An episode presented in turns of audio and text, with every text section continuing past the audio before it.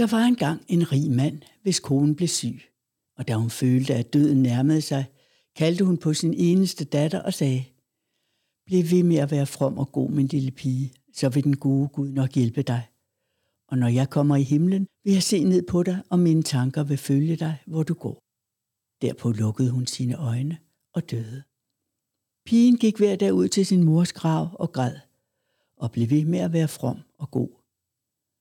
Da det blev vinter, bredte sneen et hvidt dække over graven, og da foråret kom, og solen tog det bort, tog manden sig en anden kone. Denne kone havde to døtre. De havde smukke ansigter, men deres hjerter var onde og hårde. Der begyndte nu en slem tid for den stakkels steddatter. Skal den dumme tøs sidde herinde i stuen hos os, sagde de onde piger. Den, der vil have noget at spise, må arbejde for det. Ud i køkkenet med den kokketøs. De tog hendes smukke klæder fra hende og gav hende en gammel grå kjole og træsko. Ah, se hvor prinsessen er fin, råbte de lægende og jog hende ud i køkkenet. Der måtte hun arbejde strengt fra morgen til aften, stå op før daggry og hente vand og gøre ild på, lave mad og vaske op.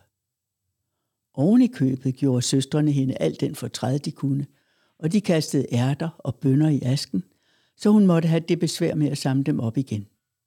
Om aftenen, når hun var træt, havde hun ingen seng, hun kunne lægge sig i, men måtte sove ved siden af skorstenen. Det var der intet under, at hun altid var støvet og snavset, og hun blev derfor kaldt Askepot. En gang, da faren skulle til markedet, spurgte han sine steddøtre, hvad han skulle bringe med hjem til dem. Smukke klæder, sagde den ene. Perler og ædelstene, bad den anden. Men hvad vil du have, Askepot? Må jeg få den første gren, der støder imod din hat, når du går hjem, sagde hun. Han købte der også klæder og perler og ædelstene til sine to døtre. På hjemvejen løb han mod en gren, der puffede hatten af hovedet på ham, og han huskede nu, hvad Askepot havde bedt ham om, og brækkede den af. Da han kom hjem, gav han hver af sine døtre, hvad de havde ønsket sig.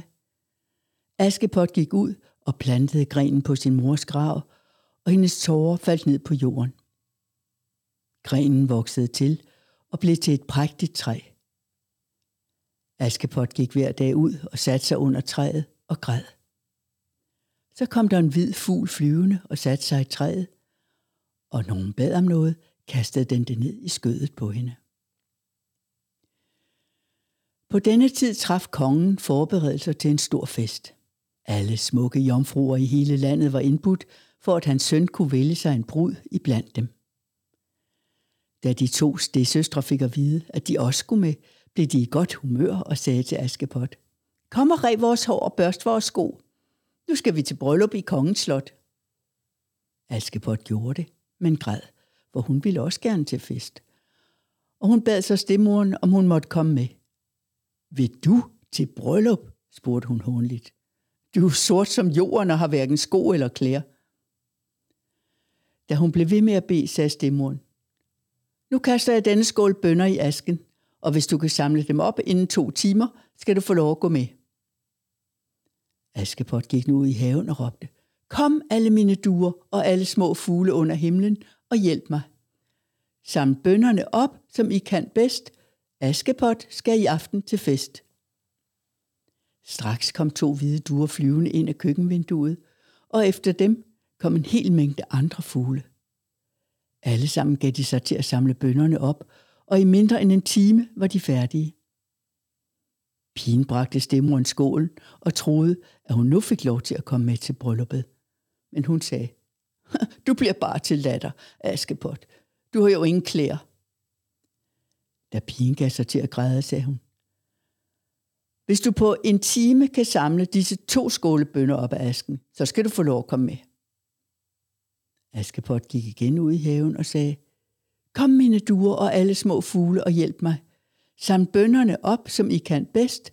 Askepot skal i aften til fest. Der kom alle fuglene flyvende ind af vinduet, og inden en halv time var gået, havde de samlet alle bønderne sammen i skålen. Pigen blev glad og troede, at nu skulle hun få lov til at komme med.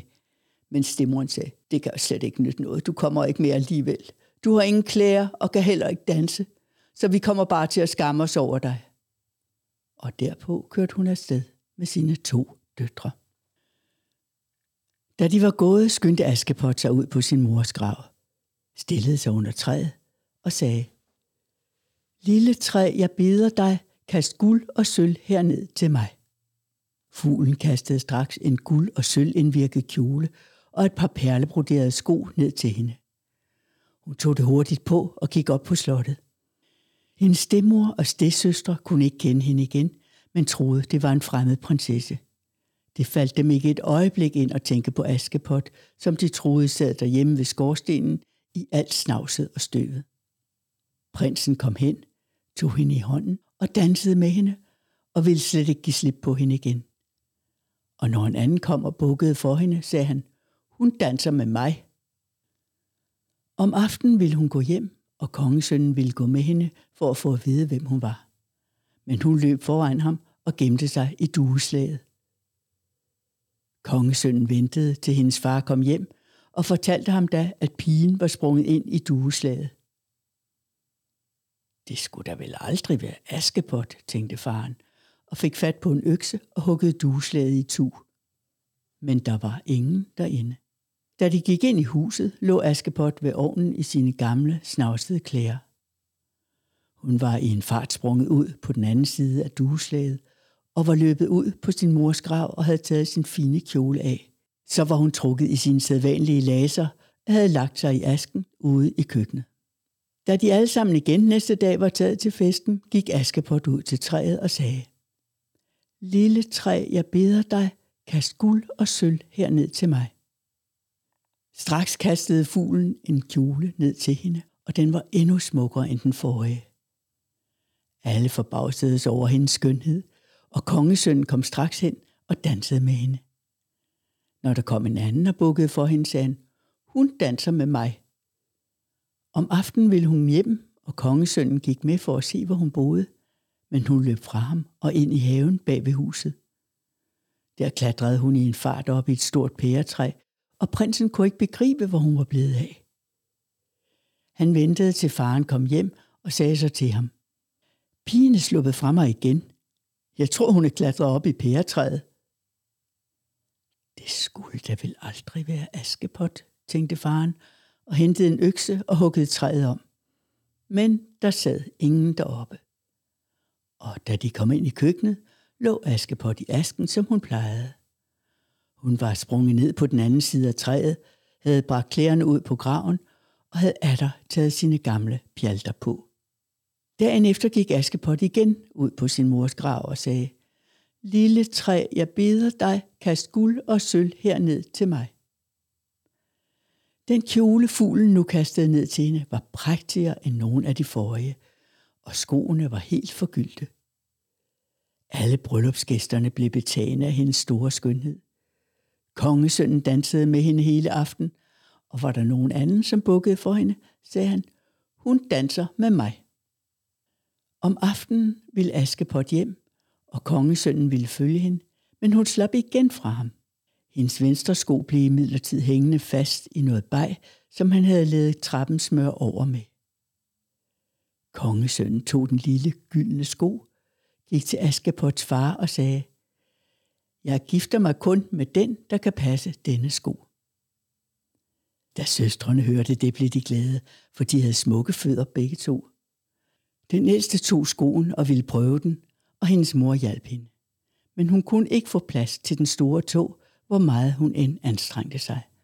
Og moren rakte hende derfor en kniv. Skær tåen af. Når du først er blevet dronning, behøver du jo ikke at gå. Pigen gjorde det, fik skoen på og bed smerten i sig. Derpå gik hun ind til prinsen, der tog hende foran sig på hesten og red afsted med hende. Da de kom forbi Askepots mors grav, sad der to hvide duer i træet og sang. Kongesøn, se blodet vælger purpurrødt af skoen ud, og den røde flod fortæller, det er ej den rette brud. Prinsen så nu, at blodet strømmede ud af skoen. Han red så hjem med pigen og sagde, at den anden søster skulle prøve skoen. Hun fik da også lykkelig og vel tæerne ned i den, men hælen var for stor. Skær et stykke af hælen, sagde hendes mor og rakte hende en kniv. Når du bliver dronning, behøver du jo ikke at gå.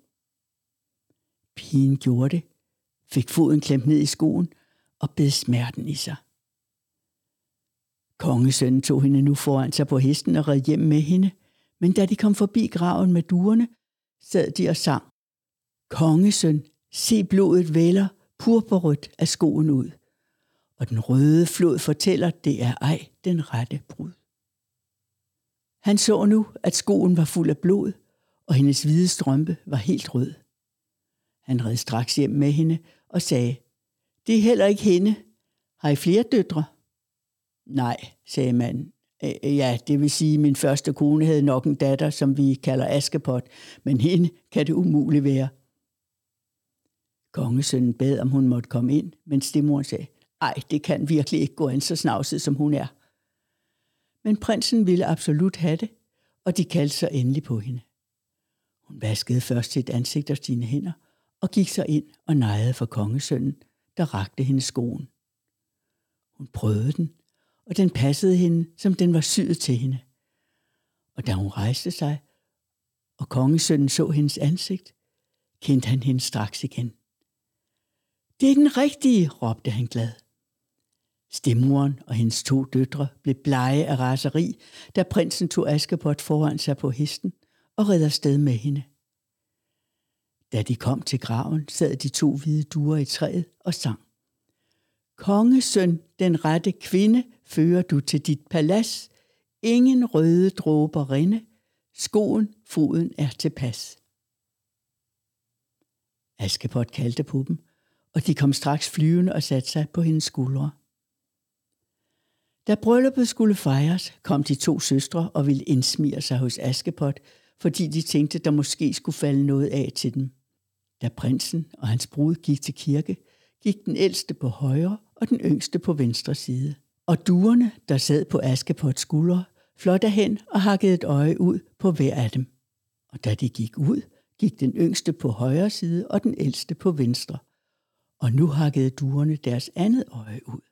Således blev de blinde for resten af livet, til straf for, at de havde været så onde